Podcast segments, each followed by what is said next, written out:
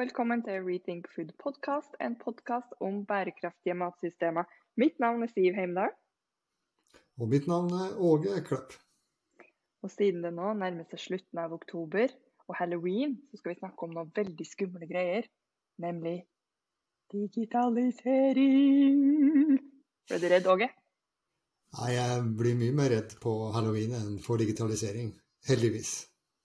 Ja, det er bra. For det, nå skal jo du eller vi tenkte med denne episoden at vi skal, etter å ha hørt på den, roe ned skuldrene og ikke tenke på digitalisering som så veldig skummelt, men noe bra, positivt og gøy. Ja, jeg tror både jeg og du syns det er gøy med digitalisering, Siv. Så forhåpentligvis vil lytterne dele vår entusiasme etter vi er ferdige i dag. Ja, men vi må anerkjenne at det er mange som syns at det er litt skummelt. Ja, og det, vi skal ikke stikke under en stol at det er jo noen ting med digitalisering også som ikke nødvendigvis er bare bra. Nei, det Så det, det, skal vi innom litt. Og det er kanskje det som uh, har fått en del uh, oppmerksomhet. Og så er det vel kanskje det at uh, ting man ikke kan noe med, er jo, blir jo ofte litt skummelt. Ja, og det er jo Digitalisering er jo litt abstrakt og litt fjernt. Og hva er nå egentlig det? Ja, for det var mitt første spørsmål til deg. Hva er nå egentlig digitalisering? Det er et ord som alle bare eh, ja, vifter litt med og står litt om det i avisa, og sjefen prater om det, og det trekkes fram i nyttårstaler osv. Men, men hva er det egentlig, hvis, skal, hvis vi skal ta litt sånn voksenopplæring 101 eh, her? Jeg tror det kanskje det beste eksempelet er jo at vi går fra en verden av papir eh, til der ting vi kommuniserer via datamaskiner. Eh, og at det hjelper oss å gjøre jobben vår eh, ja, enklere og mer effektivt. Da. Jeg kan jo bare ta et eksempel fra min start i arbeidslivet. Nå hører jeg noe kanskje ut som jeg er 100 år. Det er nå ikke riktig ennå. Ja, nærmer meg. Men i hvert fall første oppdraget jeg fikk da jeg begynte i Landbrukets utredningskontor, eh, det er noe som heter Agroanalyse. Der hadde det blitt avholdt en eh, konferanse, det som er tema, da heter temakonferansen. Eh, det, der var jo du prosjektleder for det som senere ble land, Mat og landbruk noen år, Siv. Men denne gangen var det altså temakonferanse på Royal Garden i, i Trondheim. Oh, flott. Ja, så, så, hadde jo da gjort noe evalueringsskjema, da. Eh, men eh, problemet var jo at en bunke med skjema ga jo ikke så mange svar i papirformat. Så noen måtte jo gjøre det her til, å, til en nedbrytbar materie. Så jeg fikk i oppdrag å punche det inn, skjema for skjema, inn i statistikkprogrammet vårt SPSS. Og fikk ut noen figurer og ja, du vet. Eh, fikk ut noen klare svar hvordan det her har vært. Eh, hvis du lurer på hva som var liksom, den, bomben her, så var det For kritikken gikk på at det var ikke-levende musikk. Det er sant. Ja, så det, det, var det jeg lærte, at uh, hvis det ikke er levende musikk, så er det ikke, da får du ikke toppscore på konferansen. Var omtrent det samme vi fikk i på en måte landbrukskonferansen òg, hvis jeg ikke husker helt feil. Men ja da, verden går ikke alltid Nei, ikke det. det digitalisering kan da hjelpe oss med eh, å få svar på eh, om konferansen var bra eller ikke. Ja, og når vi, eller du hadde ansvaret, så ble det jo sendt ut en lenke til alle de som hadde deltatt, og du svarte sjøl og, og, alt ble måte, automatisk generert. Og det tok to minutter. Så digitalisering gjør at ting blir både enklere og kjappere. Og folk slipper heldigvis å sitte og punche som jeg gjorde den gangen. Du vil spare masse arbeidstimer på det. Og det høres jo eh, positivt og bra ut. Eh, og et annet eksempel er jo det som skjedde nå under koronapandemien alle gikk fra å bare eh, Skal vi prates eh, på dataen? Eh, det er jo veldig komplisert og vanskelig til at Teams er nå nesten standard. I hvert fall er det i min, i min hjemmekontorshverdag. Så er det stort først og fremst Teams-møter det går i. Veldig slitsomt. Å skal sette seg på toget og dra inn til byen og møte noen fysisk. Da må det være viktig, tenker jeg.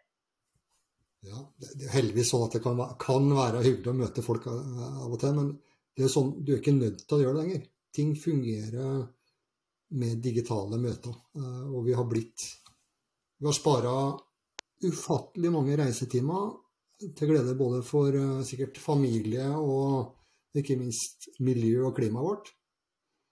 Så det har òg vært et stort framskritt. Så om korona var aldri så kjedelig, så har det nok måtte, tatt oss fem til sju år, kanskje lenger fram i digitaliseringsverdenen ja, enn vi ellers ville ha vært. Så aldri så gæli er det noen ting som heter. Men hvis vi skal se, ta, ta, med digitalisering inn i eh, mat- og landbruksverdenen, da, for det, det, altså, du kan ikke produsere mat på en PC. Det går jo ikke. Mat må jo fortsatt produseres fysisk. Så hvorfor driver vi og snakker sånn om digitalisering eh, i en podkast som handler om matsystemet? Jeg kan jo bare svinge litt tilbake til da jeg begynte å jobbe med forskning og innovasjon eh, i min forrige jobb. Eh, og da hadde vi noen arrangementer sammen med Innovasjon Norge. Og blant annet så, så fikk vi en del bønder da, til å komme og fortelle hva var utfordringa for dem. Hva, hva, hva, trengte de teknologi til, og hva brukte de i dag? Og da var det jo, husker jeg, det var flere som kom, da. Et av utfordringene var jo at de hadde utrolig mange forskjellige systemer inn i traktoren som ikke snakka sammen.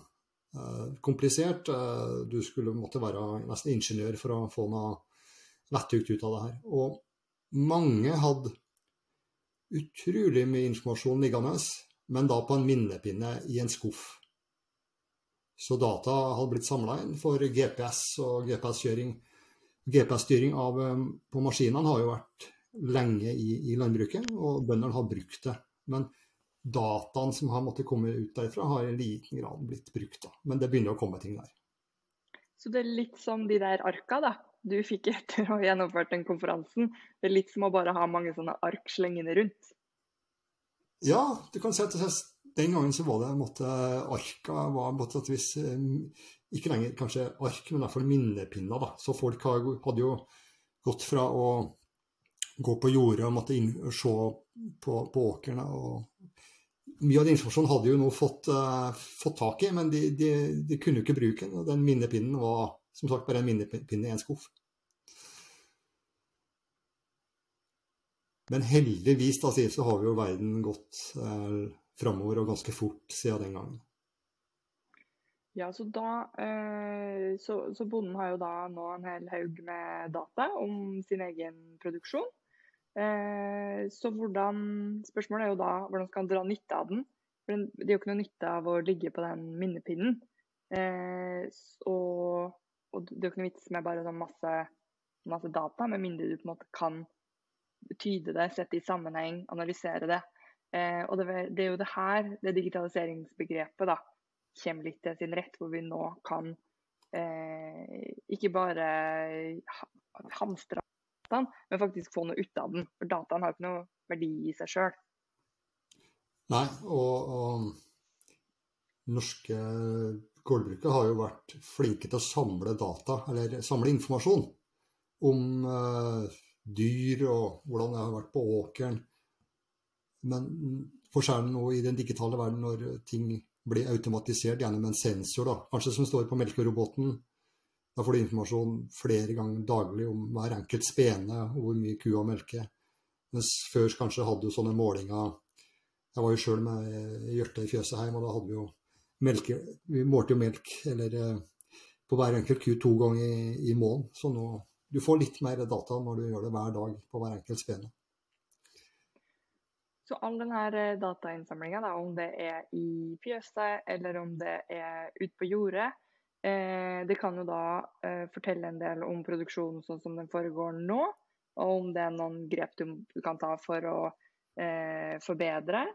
Men så finnes det jo også en del teknologi som gjør at du kan ta valg for framtida. Og det er litt spennende hvordan man da kan bruke uh, data, f.eks. værdata eller klimadata, for å se hvilke grep du kan ta i dag for å få en bedre produksjon i morgen. Ja, og Landbruket har jo vært eh, tufta på at du, du har lært eh, kanskje både sjøl og ikke minst av eh, far din og generasjonene før deg på gården. Eh, og du har lært av naboer, du har funnet et måte å gjøre det, på. Og det er jo veldig bra. Men så har det jo vist seg at når du begynner å samle en del data, så er det kanskje en del gamle lærdommer som måtte få seg noen knekk. I hvert fall ikke alle, alle blir alle, De rådene som måtte datainnsamlinga gir, da, eh, gir kanskje litt andre og mer treffsikre råd. Eh, jeg vet jo at bl.a. Eh, Mimiro har kommet i gang med rådgivning til bønder ut ifra informasjon, som du sier, værdata. Ser hvilke og, og ja, når bonden har lagt inn Når han har eh, sådd gresset sitt eh, på jordet, eh, så får han også råd når det er riktig tidspunkt å høste det. Og kvalitet og mengde kan jo da bli bedre når du får ja, kvalifiserte råd da, ved bruk av mye, mye data. Mm. Et annet råd du kan få, er f.eks. det lønner seg å vanne nå fordi det vil bli tørt eh, fremover. Eller sånn ikke vann nå i dag, fordi nå blir det kjempemasse regn den neste uka, f.eks. Ja, så kan du dra det enda lenger at du har gravd ned en sensor i bakken. Eh, vi har jo vært i kontakt med et selskap som Agdir, som har eh, begynt å gjøre business ut av å gi råd ut ifra den type sensorer. Så vi har nok bare sett starten på Eh, hva som er god agronomi eh, ved hjelp av, av råd da, fra, fra, sensorer og, og datamengder som type værdata. Mm. Så alt der er jo da muligheter som gjør at vi kan eh, produsere, om ikke mer, så i hvert fall mer effektivt. Um, og det er, jo, det er jo en bra ting. Uh, men um, så er det jo som alltid med med sånne fantastiske muligheter. Det ligger jo noen trusler der. Det, det er jo noen, uh, altså man har jo grunn til å være litt uh, skeptisk hvis du skal trekke fram liksom, de tingene vi må være litt påpasselige med. Hva, hva, er det som er måte, Jeg skal ikke si argumentet mot, men i hvert fall når vi er nødt til å følge litt med på. da, Som kan være litt skummelt. Nei, data er jo du, du, må i hvert fall sikre at du har eh, at de dataene blir håndtert riktig, da. Om det er personvern. Du, og der har det nok skjedd veldig mye eh, i, i, i, samfunnet som sådan, da, med både lovgivning og hvordan det her blir praktisert. Og jeg tror Norge er relativt langt framme å følge opp, eh, følge opp de, de lover og regelverk. Uh, men så klart, den store uh, skumle her er jo at data kan komme på avveie, og at folk ser seg tjent med å, å stjele dine data. Da. Og ikke minst kanskje lamme deg som selskap. Uh, vi hadde jo Nortura hadde jo bl.a. et innbrudd her og ble hacka og var nede en god stund. Heldigvis hadde de noe backup-system, så de fikk, fikk, i gang produksjonen. Men Sånt er jo fryktelig kostbart og fryktelig dyrt, og ser at det her er, er sårbart. Um, og i matsystemene våre. Um, og vi har jo ikke bare i Norge, det har vært eksempler der uh, store matbedrifter har vært utsatt for sabotasje og hacking. Mm, for vi snakker jo om angrep på annen infrastruktur. Eh, men det virker jo litt sånn søkt å skal være redd for at noen skal hacke seg inn i melkeroboten. Men det er jo alvorlig nok, eh, det. Hvis det, hvis det plutselig setter produksjonen ut av, ut av spill. Da. På mange. Ja, jeg tror det er et av de her sårbarhetene eh, i det skal si, oppkobla samfunnet vi er nå, som vi må ta vare ta, ta på skikkelig alvor. For det er klart, vi har jo sett krigen i Ukraina og følgeeffektene av etterretning og, og folk som måtte kanskje også interesse, ha interesse av å slå, slå, ut kritisk infrastruktur da, for å ja, sette, sette skal vi si, ja, gi, gi, et lite varsel om uh, hva det koster å måtte være på den ene sida i konflikten. Så, men det finnes jo da øh, Det finnes jo da øh, Du kan gjøre ting sånn at du ikke står så sårbar i denne situasjonen. men spørsmålet er jo da Trengs det så mye kompetanse? Er det liksom Jeg begynner å bli så kostbart og kreve så mye kompetanse at vi ikke kommer videre, eller, eller er det noen ting som på en måte løser seg sjøl? Jeg tror at hele tida så er det noen som ønsker å måtte kunne ramme deg, da. Så du At samfunnet og at vi legger til rette for forskning og utvikling sånn at vi kan ivareta vår egen beredskap på en god måte. Eh, at institusjoner som storting og regjering, at både de blir godt brifa hva de skal gjøre i, situasjoner, så de ikke, ikke åpner tvilsomme vedlegg og slike ting. Og at selvsagt at systemene da er veldig gode. Det, der, der er jeg nå overbevist om at her kan vi ikke spare oss til fant, for her, her, må vi ta oss råd til å investere i gode systemer. Da. Og Det samme gjelder jo for kraft og oljeinstallasjon og alt det der. Vi, vi må sikre at kritisk infrastruktur og mat er jo selvsagt en av de òg. De som har eh, involvert i matbransjen, må vite at eh, det de, de, de fungerer både i, om det er et, et, på et slakteri, eller om det er de store detaljistkjedene våre, Norgesgruppen eller hvem andre, som måtte, kan ha maten klar til oss i, i butikken når vi trenger. Ja, for en ting er jo at Hvis det skal bli så komplisert eh, å ta i bruk alle de her eh, systemene, at du må være eh, dataingeniør for å, for å være bonde, så tror jeg ganske Altså, det er ikke sikkert at det er så mange som har lyst til å være med videre på ferden. Så uh, man må jo sørge for at uh, de som kan uh, data og IT-teknologi, får være eksperter på det. Og de som kan produsere mat, må være eksperter på det. for hvis man skal forvente Altså, bonden skal gjøre ganske mye annet fra før. Om man ikke i tillegg må, må ta på seg utviklerhatten. Ja, du, først, du skal først og fremst være en god agronom. Eh, du skal kunne ta vare på dyr, dyr om du har det. Eh, men jeg tror at eh, teknologien kan hjelpe deg til det. da, og jeg er jo ganske sikker, eller helt sikker på at brukersnittet og brukervennligheten har blitt mye bedre. nå kan jo mye løses via mobil. Eh, og mye er automatisert, eh, og, skjer, eh, og data blir lagt opp og du, du får òg mye bedre kvalitet på si, råd fra ulike dataprogram.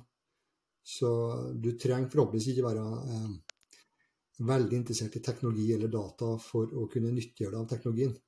Eh, men er du nysgjerrig på hvordan du både kan tjene mer penger. Da, for det ligger jo god, mye god butikk i å, å, utnytte data, og særlig dine egne data. Eh, hvis det er sånn at du Eksempelvis bare å få til et bedre grovfòr eh, ved å bruke den ta, ta, ta, Nyttiggjøre seg av uh, værdata, eksempelvis. Uh, kan du da uh, få til en så god kvalitet på grovfòr at du kan kjøpe inn kanskje et litt billigere kraftfòr, så, så, kan det bety fryktelig mye på, på bunnlinja til den enkelte. Kanskje mange titusen, kanskje enda mer. Mm. Så fordelene, da, eh, selv om det kan være noen skumle ting knytta mot digitaliseringa, så er jo fordelene stort sett eh, veier ganske mye tyngre. Um, sånn at det er egentlig ingenting å være så veldig skummel ut. Jeg syns ingen skal kle seg ut som digitalisering på halloween. Nei, jeg tror jo heldigvis ikke det. Sjøl om Eh, makt har jo en tendens til å korrumpere, og makt kan jo være litt skummelt. Eh, og klart det ligger veldig mye makt i de selskapene som virkelig har gjort seg opp på digitalisering. Som Apple og Microsoft og ja, hva skal vi si, innenfor mat så har vi jo Amazon har jo begynt å bli litt store. Um, så du får jo veldig mye kunnskap om den enkelte. Det, det, gjør, det, det har jo alle som driver i bransjen. Du, du sitter på veldig mye informasjon. Og eier du mye data, så, så har du på sett og vis eh, makt eh, gjennom det òg. Eh, og kan og kanskje få kraft i, i forhandlinger med, med leverandører, og, eller som leverandør har, har makt i den, den, du forhandler med. Så det er nok viktig at det er god si, lovgivning og regulering av, av um, det her eh, området, digitaliseringa, så det ikke, ikke blir ubalanse i det her. Ja, for Det var en ting jeg skulle spørre deg om. Det er jo nettopp det med eh, deling av data. Du var jo litt inne på det, at, eh, at du må ha eierskap til dine egne. Um, men, men å sitte på ett sett med, med, data som er dine egne, selv om det også har verdi, så har det jo først og fremst eh, verdi når man eh, pakker mye data sammen og skal se ganske store eh, datasett i sammenheng, da kan det jo eh, komme ganske mye snacks ut av deg. F.eks. at en ting er at du vet hvordan ditt jorde fungerer, men når du setter sammen da data med f.eks. alle jordene i hele Norge, eh, det er jo da du kanskje kan trekke fram noen virkelig store lærdommer og aha-opplevelser. Men hvordan er der, hvordan kan du tenke deg dilemmaet? Ja, du skal eie dine egne data, men potensialet da, i deling av data er også ganske stort. Så har du gjort deg noen tanker om det? Hvordan man skal forholde seg til det dilemmaet der?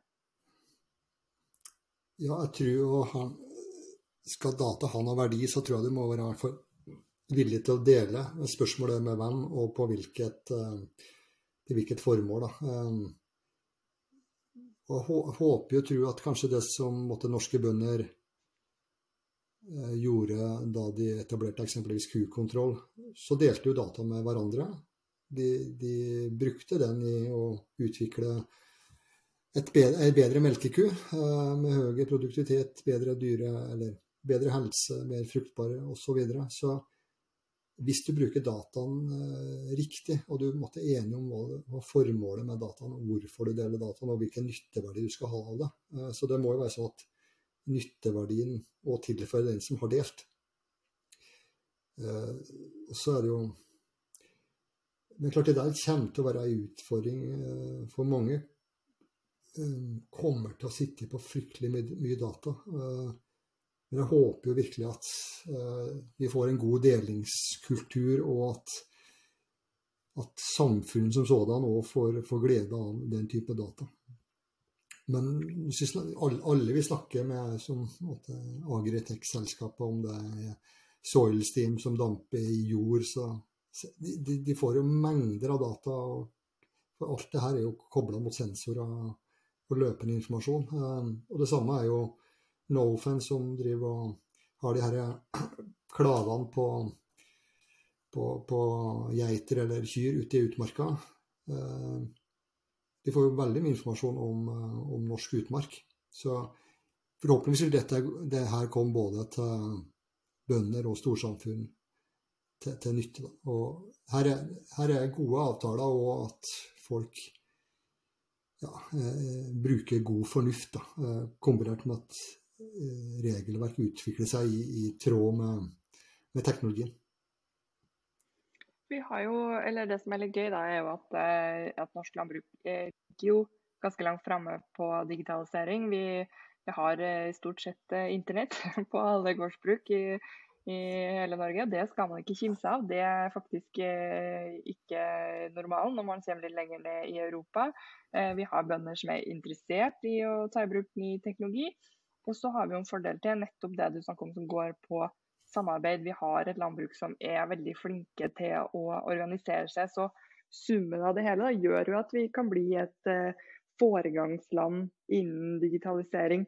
Så um, tenker du at uh, her kan være et lysende eksempel for, uh, for resten av verden? Ja, jeg er rimelig sikker på at Eller helt sikker på at Norge kan bli et fyrtårn. Og jeg tror vi på sett og vis er det allerede. Men det, når du har et forsprang, så må du evne å holde, holde i det.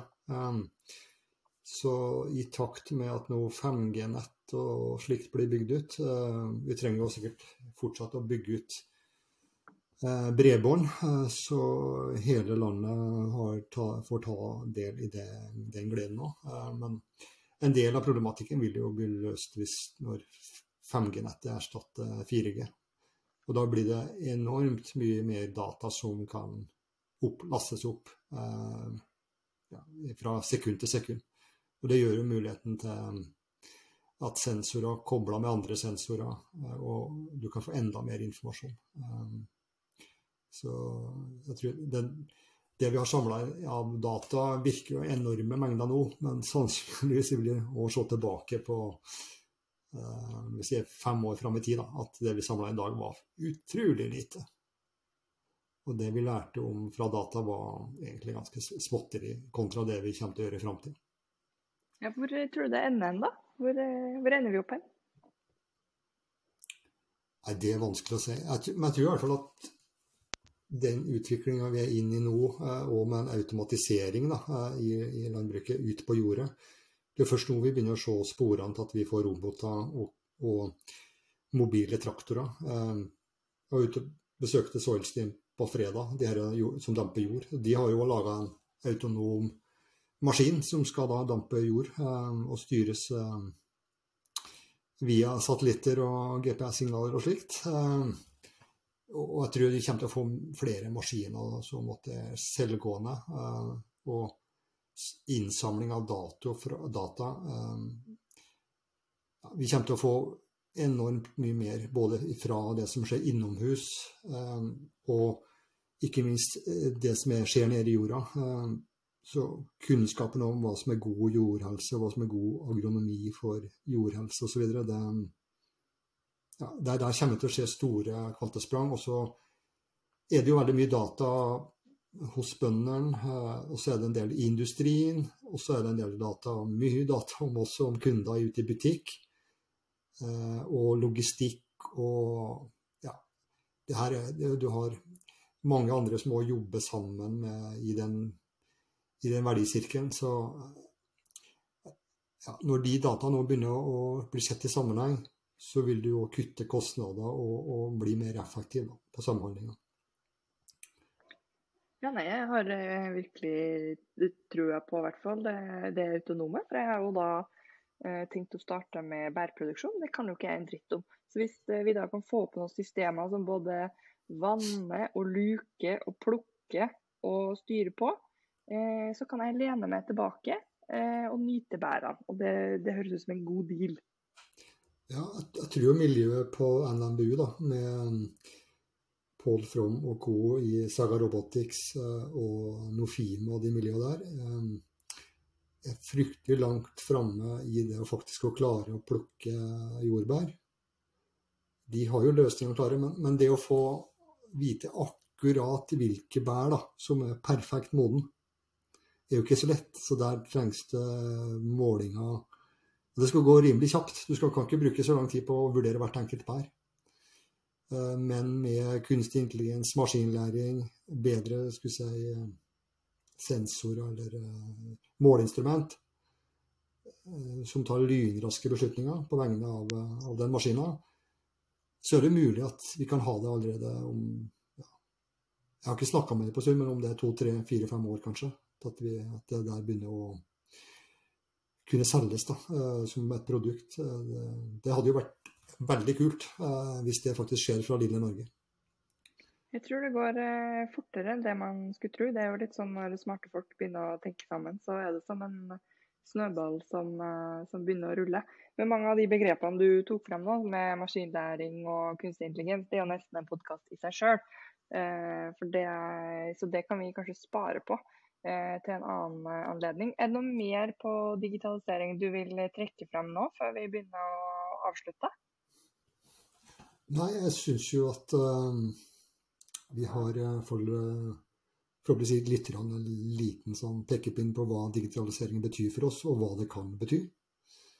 Og at det uh, i størst monn betyr en, en, stor mulighet for, for norske matprodusenter, og, og, ikke minst kanskje for forbrukerne, at de kan få enda bedre mat inn i framtida, som er sporbar, mattryggheten er enda sikrere, osv. Men, men for å avslutte, det er vanvittige muligheter i, i, norsk, eh, i, norsk digitalisering, eller i det som skjer og i globalt. Men klarer vi å utnytte det her i Norge til, til, til ta, virkelig fortsette å være langt framme i skoa, så skal det her gå riktig bra. Men vi må bruke en del penger på sikkerhet, og, eh, så vi ikke blir hacka de vi ikke vil bli hacka av. Da tenker jeg vi slutter digitaliseringspraten der. og Hvis man er, da er interessert i å lære mer, eh, få vite mer om digitalisering og mulighetene som ligger i det, så er det altså bare å sende en mail til deg, Åge, på ag1rethinkfood.no. Eh, og litt andre Rethink-food-nyheter, så er det jo at vi sammen med Våren og kommunikasjonsmiljøet Myldring har starta et eh, kommunikasjonsbyrå Eh, som skal eh, rette seg spesifikt mot mat- og landbruksnæringa. Og grunnen til at vi gjør det, er jo da at det er flere som tar kontakt med oss og lurer på om vi kan hjelpe dem med kommunikasjonstjenester. Og selv om vi heier på de som produserer maten vår og driver på med mat og landbruk i Norge, så er det jo ikke et kommunikasjonsbyrå Rethink Food skal være. Men nå har vi altså da vært med på å opprette et, så for de da som trenger hjelp med det, så er det da å gå inn på jete.no eh, og lese om eh, hva du kan få hjelp med der. Så det, det er litt spennende nyheter. Det skjer litt ting i, i Rethink Food. Vi går fra å være et selskap til å bli et konsern. Så gratulerer med å bli konserndirektør, Åge Klepp. Ja, det er jo, det, det er jo stort, det, selvsagt. Så vi får, eh, vi, får, eh, vi får, følge med. Snart har vi mange, mange datterselskap, vil jeg tro. Det, det, her er bare en start. Ja, nei, Det gjelder å følge med i, i, i svingene her. Eh, andre ting du også kan følge med på, er jo da eh, neste live Facebook-sending. Det er da en prat med suksessforfatter, kan vi jo kalle han nå, Marit Kolby, som har skrevet boka 'Hva og når skal du spise?'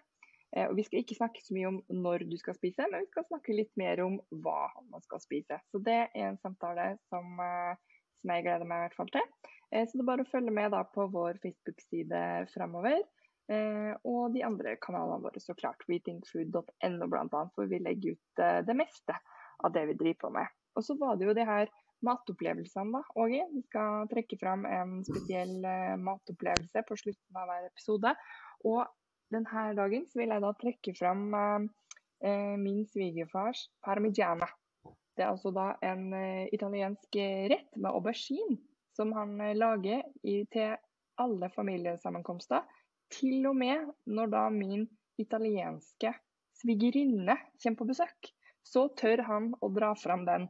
Det tror ikke jeg hadde turt, men det er i hvert fall en kjempegod rett med eh, aubergine. Eh, og ikke minst eh, parmesan, så klart, og en del mozzarella. Så den anbefaler jeg å google den retten hvis man vil ha seg en litt eh, annen vri eh, til fredagstacoen. Ikke så veldig norsk, da, med aubergine, eh, men eh, til gjengjeld veldig godt. Det hørtes uh, veldig godt ut. Uh, og litt annen vri, annen vri, på kanskje aubergine enn hva de fleste bruker den til. Ja, Hva bruker du egentlig aubergine til? Ja, det er ikke, ikke den jeg bruker ofte. Men jeg har den ofte på, av og til på grillen på sommeren med litt olje og sånt.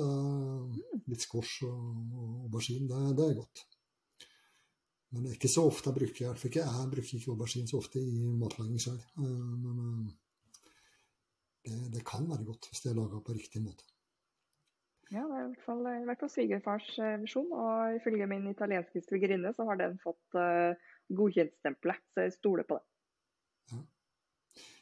For min del altså, så, så, må jeg innrømme at jeg herma litt. Jeg ble så inspirert av det her eh, kjøttsuppa di. Så det ble knoke med, med rotgrønnsaker her om dagen. Eh, jeg tror ikke jeg repeterer forteller hvor godt det er, da. Eh, så kan jeg jo bare si at eh, det ble entrecôte her om dagen. Eh, og når den er stekt riktig, og du får godt tilbehør eh, med gode poteter og litt brokkoli og en god saus, så syns jeg det er fantastisk godt. Og der, der er det kanskje noe med norsk matkunst da, og matindustrien som måtte ha gått framover. For nå, når det står på pakka hvor mørhetsgrad, så syns jeg det treffer veldig bra. Og det gjorde det denne gangen òg. Så kjempegod entrecôte. Og med en liten god rødvin til, så, så, er det jo ekstra snas. Nå er det snart helg, det hører jeg. Jeg gleder, meg til det. Det ser helt fantastisk ut med helgemiddag med, med entrecôte. Uh, og jeg er veldig glad at jeg starta kjøttsuppetrend. uh, så den håper jeg jo da sprer seg uh, utover. Men OK, skal vi sette strek der og si at vi skravles på i neste uke? Så sier vi ha det her. Ha det. Yes, ha det godt.